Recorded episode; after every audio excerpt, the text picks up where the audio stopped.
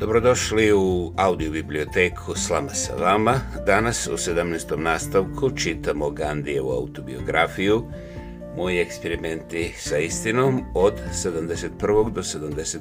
poglavlja knjige. Poglavlja 71 je mjesec sa Gokaleom, prvi dio. Od prvog dana mog boravka kod njega Gokale je učinio da se osjećam potpuno kao kod kuće. Tretirao me kao mlađeg brata, pitao me za sve što bih mogao da tražim i postarao se da dobijem sve što mi treba. Na sreću imao sam malo želja, a razvio sam naviku da pomažem sam sebi, pa mi je bilo potrebno veoma malo lične pažnje. On je bio duboko impresioniran mojom navikom da se brinem o sebi, mojom čistoćom, strajnošću i redovnošću, pa me je često obasipao pohvalama. Izgledalo je da ništa ne taji od mene. Upoznao bi me sa svim važnim ljudima koji bi svratili k njemu. Od njih mi se najviše urezao u sjećanje doktor, sada ser, PK, Raj, on je živio praktično u susjedstvu i bio čest posjetilac. Evo kako je predstavio doktora Rađa. Ovo je profesor Rađ, koji mjesečno zarađuje 800 rupija, zadržava samo 40 za sebe, a ostalo daje u javne svrhe. On nije oželjen, niti je htio da se, da se ženi. I danas ne vidim mnogo razlike između toga kakav je doktor Rač sada i toga kakav je bio tada. Njegova odjeća bila je jednostavna kao što je i sada, naravno s tom razlikom što je danas to pamuk, tada je to bilo indijsko tkano suknu. Osjećao sam da ne mogu da se naslušam razgovora između Gokalea i doktora Rađa, pošto su se svi oni odnosili na ono što se odnosi na dobrobit narodu ili su bili od obrazovne vrijednosti. Ponekad su oni bili i bolni, pošto su sadržali zamjerke javnim ličnostima. Zbog toga, neki od onih koje sam smatrao snažnim borcima počeli su da mi izgledaju prilično sitno. Gledati Gokalea na poslu donosilo je i radost i pouku. Nikad nije gubio ni minut. Svi njegovi privatni odnosi i prijateljstva bili su za javno dobro. Svi njegovi razgovori odnosili su se jedino na dobro naše zemlje i bili potpuno lišeni i traga neistine ili neiskrenosti. Siromaštvo i podčinjenost Indije bili su stvari kojima se neprekidno bavio. Razni ljudi su nastavili da ga zainteresuju za razne stvari, ali svima njima je davao isti odgovor – Uradite tu stvar sami. Pustite me da radim svoj posao. Ono što hoću je sloboda za moju zemlju. Nakon što to zadobijemo, možemo da mislimo na druge stvari. Danas je ta jedina stvar dovoljna da okupira sve moje vrijeme i energiju. Njegovo poštovanje prema Randeu moglo je da se vidi u svakom trenutku. Randeo autoritet bi je presudan u svakoj stvari i on ga je citirao na svakom koraku.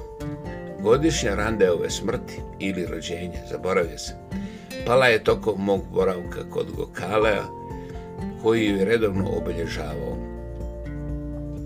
Pozvao nas je da učestvujemo u svečanosti i u svom govoru je iznio sjećanje na Randea.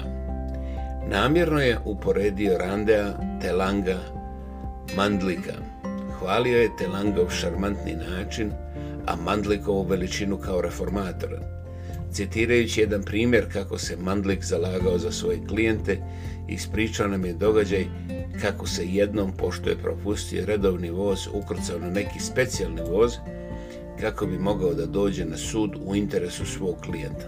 Ali, rekao je Rande se uzdiže na svim njima kao mnogostruki genije. On ne samo da je bio veliki sudija, već podjednako veliki storičar, ekonomista i reformator. Iako je bio sudija, bez straha je dolazio na sastanke kongresa i svi su imali toliko povjerenja u njegovu mudrost da su bez pitanja prihvatili njegove odluke. Gokaleova radost nije imala granica dok je opisao te osobine glave i srca koje su bile udružile, koje su se bile udružile u njegovom učitelju. U to vrijeme Gokale je imao kočiju. Nisam znao zašto mu je kočija bila neophodna, pa sam mu prigovorio. Zar ne bi nekad mogao da ideš nekuda tramvajem? ili to poniženje za ponos jednog lidera? Pomalo ožalošće ožalošćen rekao je, dakle, niti me ne razumiješ. Ja ne koristim prihode koji mi pripadaju kao članu savjeta za moj lišni komfort. Zavidim ti na tvojoj slobodi da se voziš tramvajem, ali mi je žao što ja ne mogu da učinim isto. Kad je neko široko poznata javna ličnost kao što sam ja, teško mu je, ako ne i nemoguće da se vozi tramvajem. Nema razloga da se misli da je sve što lideri čine zarad njihovog ličnog komfora. Ja volim tvoje jednostavne navike. Živim onoliko jednostavno koliko mogu, ali su određeni troškovi za čovjeka, kao što sam ja, gotovo neizbježni. Tako je na zadovoljavajući način otklonio jednu od mojih pritožbi, a postojala je jedna druga koju nije mogao da odbaci na za mene zadovoljavajući način. Ali ti čak i ne ideš u šetnju, rekao sam. Zar je čudo što stalno poboljevaš? Zar javni rad ne ostavlja vremena za fizičko vježbanje? Kad si me vidio slobodnog da mogu da idem u šetnju, odgovorio je. Toliko sam poštovao Kokalea da se nikad nisam raspravljao sa njimi. Iako je njegov odgovor bio daleko od toga da me zadovolji, očutao sam. Vjerovao sam tada, kao što vjerujem i sada, da bez obzira koliko posla neko ima, uvijek treba da odvoji neko vrijeme za vježbanje, kao što odvaja vrijeme da jede. Moje skromno mišljenje je da to ne samo da oduzima čovjeku sposobnost za rad, već je uvećava. Poglavlje 72. Mjesec sa Gokaleom drugi dio. Dok sam živeo pod Gokaleovim krovom, daleko od toga da sam samo sjedio kod kuće. Obećao sam mojim hrišćanskim prijateljima u Južnoj Africi da ću se u Indiji sresti sa indijcima hrišćanima i upoznati se sa njihovim položajem. Čuo sam za Bu, Babua, Kaličana, Banerđija, i veoma ga cijenio. On je imao istaknutu ulogu unutar kongresa i prema njemu nisam gajio ništa od sumnji koje sam gajio prema običnim idicima hrišćanima koji su se držali na distanci od kongresa i ograđivali se od indusa i muslimana.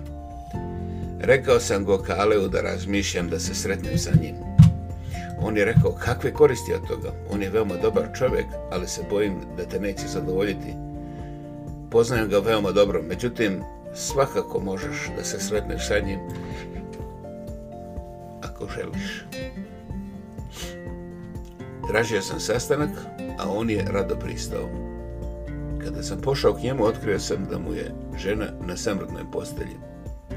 Kuća mu je bila jednostavna. Na sastanku kongresa vidio sam ga u sakovu i pantalonama, ali mi je bilo drago što ga sad vidim da nosi bengalski doti i košulju.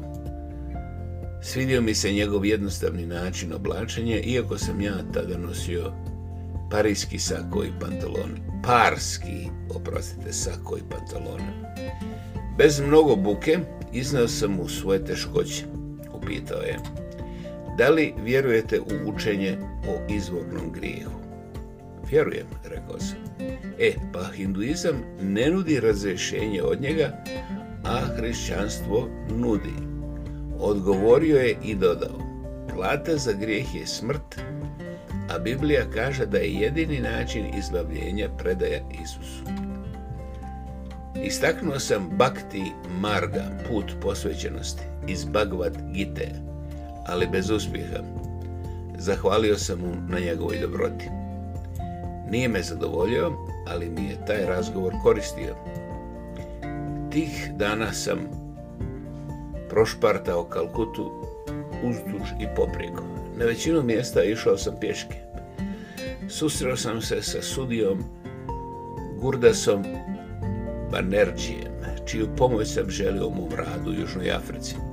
A otprilike u to vrijeme sreo sam i rađu ser Pjeri Mohana Mukarđija, Kaličaran Benerđi mi je pričao o hramu Kali koji sam želio da vidim. A Kali je kreativna energija ženskog principa, šakti, kozmičkog dvojstva šiva šakti, koja u ovom slučaju predstavlja razaranje, krvoproliće i smrt. Uprkos strašne predstavi obožavana je kao božanska majka Kali.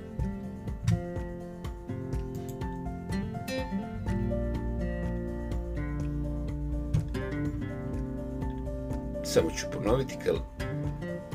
Kaličaran Banerči mi je pričao o hramu Kali, koji sam želio da vidim, posebno zato što sam čitao o njemu u knjigama.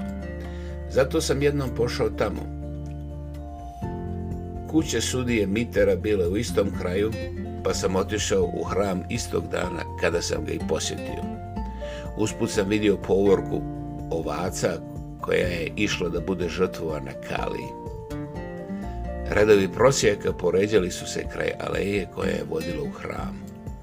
Bilo je i monaha prosjeka, a ja sam u to vrijeme bio striktno protiv toga da se daje milostinje prosjacima koji su u snazi. Gomila njih me je pratila. Jedan od takvih je sjedio na verandi, zaustavio me i obratio mi se. Kada si pošao, dečko? Odgovorio sam mu, Zamalo je mog pratioca i mene, zamolio je mog pratioca i mene da sjednemo što smo uradili. Upitao sam ga da li smatraš ovo žrtvovanje religijom? Ko bi smatrao ubijanje životinja religijom? Pa zašto onda ne propovjedaš protiv toga? To nije moj posao. Naš posao je da je obožavamo Boga ali zar ne biste mogli da nađete neko drugo mjesto da obožavate Boga? Sva mjesta su podjednako dobro za nas. Narod je kao stado ovaca, prati vođe kuda ih vode. To nije posao za nas sadua. Nismo nastavili razgovor, već smo produžili u hram. Tu su nas dočekale rijeke krvi. Nisam mogao da podnesem da tu stojim. Bio sam očajan i uznemiren. Nikad neću zaboraviti taj prizor.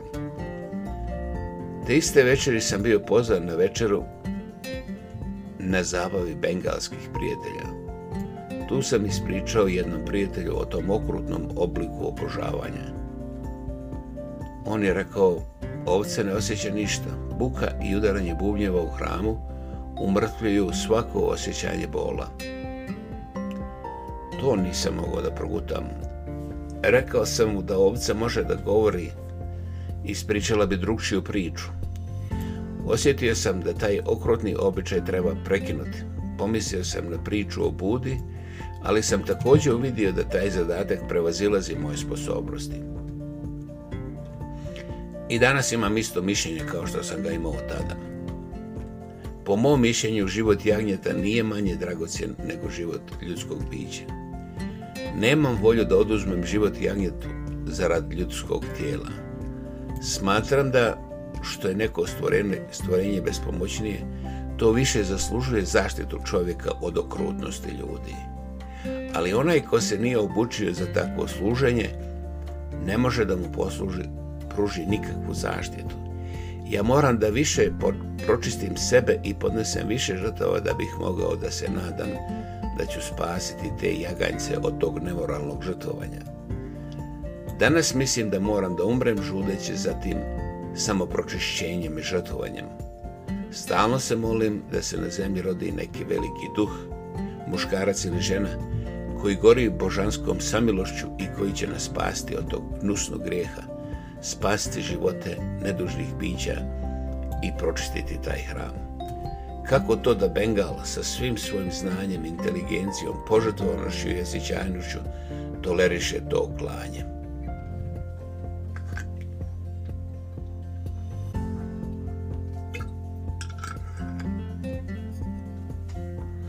Poglavlje 73.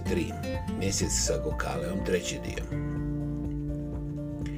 Užasna žrtva koja se prinosila Kali u ime vjere pojačala je moju želju da upoznam život Bengala. Čitao sam i čuo dosta o Brahmu Samađu. Znao sam nešto o životu Pratapa Čandre Mazumdara. Samo da pogledamo samđu. bengalski socijalno-religijski pokret reformi koje su bitno uticale na cijelu Indiju. Pokrenut 1830. u cilju pročišćenja nekih oprostite, iskvarenih običaja bramanizma, kao što su poligamija ili samospaljivanje udovica na posmrtnoj lomači muža, takozvani sati. A doktor Pratap Chandra Majumdar 804. do 905. Pisac, teolog i govornik, jedan od lidera Bramo Samadž pokreta, poznat po radu na interakciji hrišćanstva i hinduizma. Pisac knjige Orientalni Hrist, biografija Kešava Čandre Sena i velikog idijskog sveca Rama Krišne kao i drugih dijela. Bio sam na nekim sastancima u kojima je on govorio. Nabavio sam njegovu knjigu o Kešava Chandra Sena. A Kešava Chandra Sena 838. do 884. je indijski filozof i društveni reformator. Kao jedan od lidera Brahmosmađ pokreta pokušavao je da spoji najbolje principe hrišćanstva sa hinduizmom. Pročitao je sa velikim interesovanjem i razumio razliku između Sadharan Brahmo Samadja i Adi Brahmo Samađa. Susreo sam se sa panditom Šivanatom Šastrijem i u pratnji profesora Katavate pošao da vidim Maharišija Debendranata ta Korea, ali u to vrijeme nisu bili dozvoljeni nikakvi razgovori sa njim, pa nismo mogli da ga vidimo. Ali bili smo pozvani na proslavu koju je Bramo Samađ održavao kod njega i imali smo priliku da slušamo lijepu bengalsku muziku. Od tada sam ljubitelj bengalske muzike. Pošto sam vidio dovoljno od Bramo Samađa, nisam mogao da budem zadovoljan, a da ne vidim i vivek Nandu. A Vivek Nanda 863. 902. veliki indijski duhovnik, glavni učenik Ramakrišne i najveći duhovni ambasador hinduizma u zapadnom svijetu. Na dan rođenja ovog rodoljuba i svijeta moderne Indije slavi se Narodni dan omladine. I tako sam sa velikim oduševljenjem pošao u Belur Mat, uglavnom, a možda i cijelim putem pješice. Bio sam razočaran i ožalošen kada su mi rekli da je s vami u svom domu u Kalkuti, da je bolestan i da se ne može vidjeti. Onda sam saznao gdje živi sestra, sestra Nevedita i susreo se s njom u Čauringi domu. Trgao sam se kad sam vidio kakav je sjaj okružuje, pa čak i u našem razgovoru nije bilo mnogo dodirnih tačaka. Ispričao sam Gokaleu o tome, a on je rekao da se ne čudi što nije moglo biti dodirnih tačaka između mene i nestale osobe kao što je ona. Susreo sam se sa njom u kući Pestonđija Padšaha. Došao sam baš kada je ona razgovarala sa njegovom starom majkom pa sam im poslužio kao prevodilac. s tome što nisam ni u čemu mogao da se složim sa njom, nisam mogao da ne zapazim njenu dirljivu ljubav prema hinduizmu i da joj se divim. Kasnije sam saznao i za njene knjige. Dan mi je prolazio između susreta sa vodećim ljudima u Kalkuti sa kojima sam se nalazio zbog rada u Južnoj Africi i posjete i proučavanje religioznih institucija u tom gradu. Jednom sam govorio na sastanku kojim je presedavao gospodin Majulik u radu indijskih ambulantnih korpusa u Burskom ratu. Moje poznanstvo sa časopisom The Englishman mi je tom prilikom bilo od koristi. Gospodin Sanders je bio tada bolestan, ali mi je pomogao isto koliko i 1896. Gokaleu se svidio taj moj govor i bilo mu je veoma drago što je čuo da ga i doktor rač hvali. Tako je moj boravak pod Gokaleovim krovom učinio moj rad u Kalkuti veoma lakim, doveo me u kontakt sa vodećim bengalskim porodicama i označio je početak moje bliske povezanosti sa Bengalom.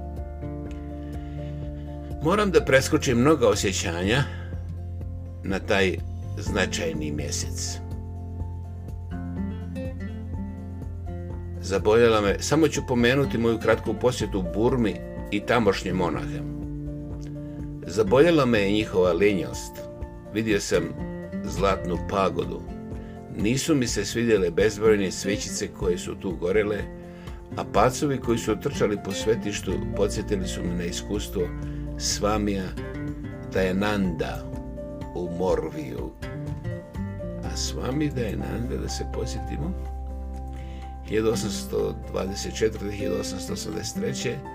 Guđeratski duhovni reformator, osnivač pokreta Arija Samalj, koji je kasnije udružen sa teozofskim društvom, osudio vjer, vjersku idolatriju, obredno žrtvovanje životinja, spiritist, spiritističko obožavanje umrlih, izopštavanje kaste nedodirljivih i kastinski sistem, sklapanje dječjih brakova, diskriminaciju žena, svještenička i mnoga druga ostupanja od izvornih vedskih učenja. Prvi upotrebio termine svaraj i svadeši. Smatra se jednim od otaca moderne Indije. Svami Nanda. Sloboda i energičnost burmanskih žena me očarala, kao što me tromost muškaraca boljela.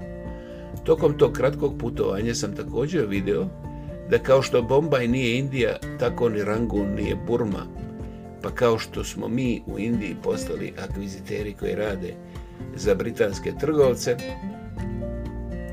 tako smo se u Burmi udružili sa engleskim trgovcima da načinim, načinimo burmanski narod našim akviziterima. Po povratku iz Burme oprostio sam se od Gokalea. Rastanak je bio bolan, ali je moj posao u Bengalu, tačnije u Kalkuti, bio završen i nisam imao razloga da duže ostajem.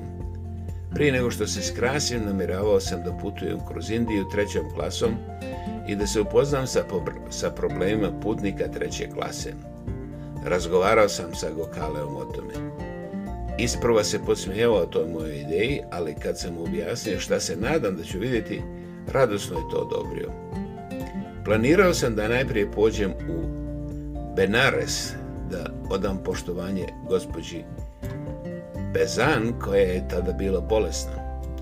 Bilo je neophodno da se ponovo opremim za to putovanje trećem klasom. Sam Gokale mi je dao metalnu kutiju za hranu i napunio je slatkim kuglicama i purijima. A šta su puri ako vas zanima? To je indijski beskvasni hlepčić pržen u dubokom ulju ili giju. Kupio sam platnenu torbu za 12 ana i dugačak sako od čaja i vune. U torbu su morali da stanu taj kaput, doti, peškir i košulja. Imao sam i ćebe da se pokrijem, kao i bokal za vodu. Tako opremljen krenuo se naput, a, dok, a Gokale i doktor Raj su došli na stanicu da me isprate. Zamolio sam obojicu da se ne trude da dolaze, ali oni su insistirali. Ne bih morao da dođem da putuješ prvom klasom, ali u ovom slučaju moram, rekao je Gokale. Niko nije spriječio Gokala da dođe na platformu. Nosio je svoj svileni turban, sako i doti. Doktor Rađe je bio u svom bengalskom odijelu. Zaustavio ga je kondukter, ali pošto mu je Gokale rekao da je to njegov pratitelj, pustili su ga. I tako sam s njihovim dobrim željama krenuo na moje putovanje. Poglavlje 74. U Benaresu Putovao sam iz Kalkute u Rađkot, a planirao sam usput da se zadržim u Benaresu, Agri, Džajpuru, Palanpuru. Nisam imao vremena da vidim više mjesta. U svakom od tih gradova ostao sam po jedan dan i odsjedao u konacima hramova ili sa sveštenicima kao što su to činili i obični hodočasnici osim u Palanpuru. Koliko se sjećam, nisam potrošio više od 31 rupije, uključujući i kartu na tom putovanju. Putujući trećem klasom, više sam volio obične nego poštanske vozove, pošto sam znao da je u ovim drugima veća gužva i da su karte skuplje. i treće klase su danas praktično isto toliko prljavi, a klozeti isto toliko loši kao što su bili i onda. Možda je to sada malo popravljeno, ali razlika između pogodnosti koje se obezvjeđuju u prvoj i trećoj klasi uopšte nije proporcionalna cijenama karata za te klase. Prema putnicima treće klase se postupa kao prema ovcama, a njihov komfor je komfor za ovce. U Europi sam uvijek putao trećom klasom, a samo jednom prvom, čisto da vidim kako je, ali nisam zapazio neko veliko razliku između prve i treće klase. U Južnoj Africi je uređenost klasa bolja nego što je ovdje. U dijelovima Južne Afrike su kupe i treće klase nadiveni tapacirani sjedištima i stvarima za spavanje. Ulaz u kupe je također regulisan kako bi se spriječilo da budu pretrpani, dok sam ovdje vidio da se po pravilu granica prenatrpanosti prelazi. Ravnodušnost uprave željeznica prema konforu putnika treće klase udružena sa prljavim i neobrazovanim navikama samih putnika čini putovanje treće klase mučenjem za čovjeka sa navikama čistunca. Te neprijatne navike obično uključuju bacanje đubrata na kupea, pušenje u bilo koje vrijeme i na bilo kojem mjestu, žvakanje, betela i duana, pretvaranje cijelog vagona u vikanje i briska, korištenje ružnih riječi, a sve to bez obaziranja na to da li prija ostalim putnicima ili ne. A žvakanje batela je, da vidimo šta, Piper betle, ljekovita biljka i blagi stimulativ. Nisam primijetio neke velike razlike između tog mog iskustva u trećoj klasi 1902. i tokom mojih drugih putovanja trećom klasom 915. do 919. Pada mi na pamet samo jedan lijek za ovo užasno stanje stvari. Da ljudi odluče da namjerno putuju trećom klasom kako bi promijenili navike putnika, da uprave nikad ne ostavljaju na miru, šaljući žalbe kad god treba, da nikad ne pribjegavaju podmićivanju i drugim nezakonitim sredstvima kako bi obezbijedili sobstveni komfort i da se nikad ne pomire sa kršenjem pravila koje bi počinila bilo koja od navedenih strana. To bi, siguran sam, donijelo znatno poboljšanje. Moja ozbiljna bolest od 918. do 919. me je na nesreću prisilila da potpuno odustanem od putovanja trećom klasom i to mi je bio stalni izvor bola i sramote, posebno zato što je ta nesposobnost došla u vrijeme kad se agitacija da se otklone teškoće putnika treće klase već bila prilično probila. Teškoće siromašnih put neke željezničke ili željeznice i parobroda, pojačane još njihovim lošim navikama, nezaslužene olakšice koje vlada daje stranoj trgovini i slične stvari, čine važnu grupu predmeta kojima je vrijedno da se pozabave jedan ili dva preduzimljiva i istrajna radnika koji bi mogli da svo svoje vrijeme posvete tome. Ali ostavit ću putnike treće klase na tome i prijeći na moje iskustvo u Benaresu. Stigao sam tamo ujutro. Odlučio sam da odsjednem kod nekog sveštenika. Okružili su me brojni bramini, čim sam izašao iz voza, pa sam odabrao jednog koji mi je izgledao relativno čistiji i bolji od drugih. Pokazalo se da je to bio dobar izvor. Izbor. U dvorištu njegove kuće je bila krava, a kuća je imala sprat gdje su smjestili mene. Nisam htio da jedem ništa prije kupanja u gangu na pravi i ortodoksi način. Sveštenik je sve pripremio, rekao sam unapred da mu nikako ne mogu dati više od jedne rupije i četiri ane kao dakšinu i da treba da ima na umu da to treba da ima na umu kad pravi pripreme. Dakšina je napojnica za sveštenika. Sveštenik se rado složio. Bio je hodočasnik, siromašen, bio hodočasnik, siromašan ili bogat, rekao je, služba je ista u svakom slučaju. Ali koliko ćemo dakšine dobiti, to zavisi od volje i mogućnosti hodočasnika. Vidio sam da sveštenik ne najmanje nije skratio uobičajene formalnosti u mom slučaju. Puđa je bila gotova u 12, pa sam pošao u hram Kaši Višnavat na Drašanu. A puđa je religijezni čin pronošenja ponude božanstvu ili duhovniku radi blagoslova. A Kaši Višvanati je Šivin hram u Benaresu, jedan od najsvetijih indu hramova najvažnijih hodočasničkih mjesta. Više puta rušen, na originalnom mjestu hrama je izgrađena džamija, Današnji hram je nanovo izgrađen 1780. Duboko me je zaboljelo ono što sam vidio tamo, na Kaši Višnogod. Dok sam radio kao pravnik u Bombaju, imao sam priliku da prisustujem predavanju o hodočašću u Kaši. Kaši je staro ime za Benares. U dvorani Paradana Samađa zato sam bio spreman na određeno razočarenje. Ali stvarno razočarenje je bilo veće nego što sam se nadao. Prilazilo se uskom i klizavom ulicom. Mira nije bilo nigdje. Rojevi muva i buka koji su podizali prodavci i hodočasnici bila je savršeno nepodnošljiva. Tamo gdje bi čovjek mogao da očekuje atmosferu meditacije i jedinstva, bilo je upadljivo njeno odsustvo. Morali ste to da potražite u sebi.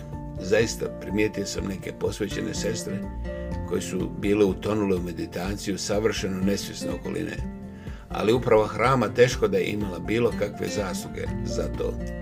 Uprava hrama treba da bude odgovorna za to da u hramu i oko njega stvori čistu i vedru atmosferu, fizičku kao i moralnu. Umjesto toga Našao sam pijacu gdje su lukavi trgovci prodavali slatkiše i drangulije po posljednjoj modi. Kad sam se približio hramu, na ulazu me je dočekala smrdljiva masa trulog cvijeća. Pod je bio popločan finim mermerom, koji su međutim naružili neki posvećenici operisani od estetike koji su pukotine popunili rupijama, što je bilo savršeno mjesto za sakupljanje prljavštine. Prišao sam blizu Čanana Vapi, bunara znanja. Tražio sam tu Boga, ali ga nisam našao. Zato nisam bio u baš dobrom raspoloženju. Vidio sam da je okolina Čanana Vapija također prljava. Nije mi padalo na pamet da ostavim bilo kakvu donaciju. Zato sam ponudio pitu odgovorni svještenik se razbjesnio i bacio pitu. Opsovao me je i rekao, ta uvreda će te odvesti pravo u pakao. To me nije uzemirilo.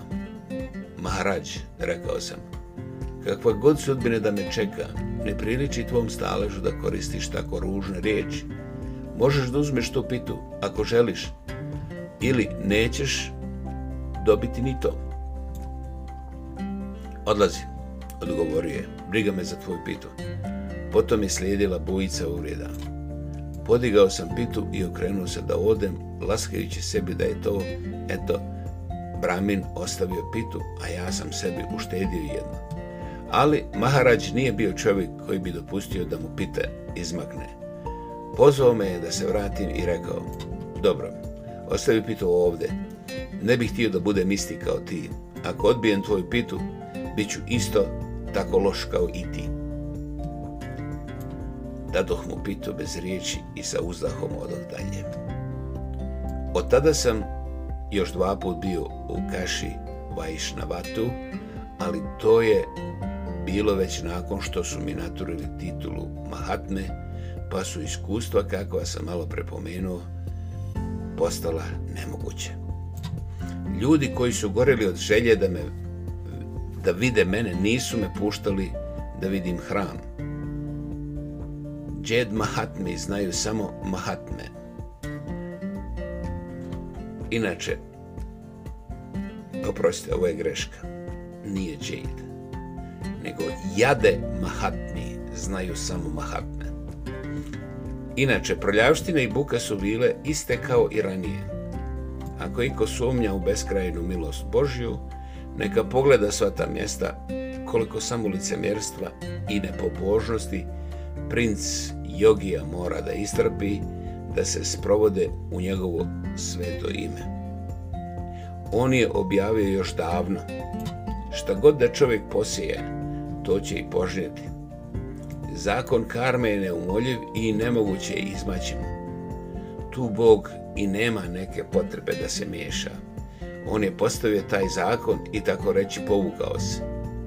Nakon te posjete hramu posjetio sam gospođu Bezan. Znao sam da samo što se oporavila od bolesti. Najavio sam se, ona je došla odmah. Pošto sam jedino želio da je ukažem poštovanje, rekao sam, svjestan sam da ste krhkog zdravlja. Htio sam jedino da vam ukažem poštovanje. Zahvalan sam vam što ste bili dovoljno dobri da me primite uprkos vašem slabom zdravlju. Neću vas duže zadržavati. I sa tim riječima oprostio sam se sa njom. Poglavlje 75. Život u Bombaju. Gokala je veoma želio da se nastanim u Bombaju, da radim na sudu i pomažem u javnom radu. Javni rad je u to vrijeme značio rad u kongresu, a glavni posao institucije koje je on pomogao da se osnuje bilo je vođenje administrativnih poslova kongresa. Svidio mi se njegov savjet, ali nisam bio pretjerano uvjeren da ću uspjeti kao advokat. Neprijetne uspomene na moj prošli neuspjeh još uvijek su me pratile, a i dalje sam brzio kao otrov korištenje laskanja da dobijem slučajeve. Zato sam odlučio da započnem rad najprije u Rađkotu. Kevalram Mavđi Tave, moj stari moj stari dobro željatelj.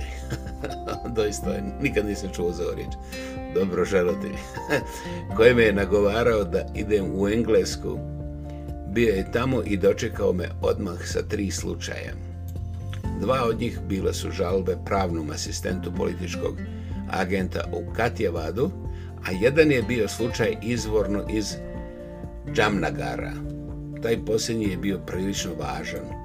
Na moju izjavu da ne mogu da garantujem da ću istirati pravdu, Keval Randave je rekao Dobiti ili izgubiti nije tvoja briga. Jednostavno uradi najbolje što možeš, a naravno ja sam tu da ti pomognem. Politički advokat bio je pokojni Samart.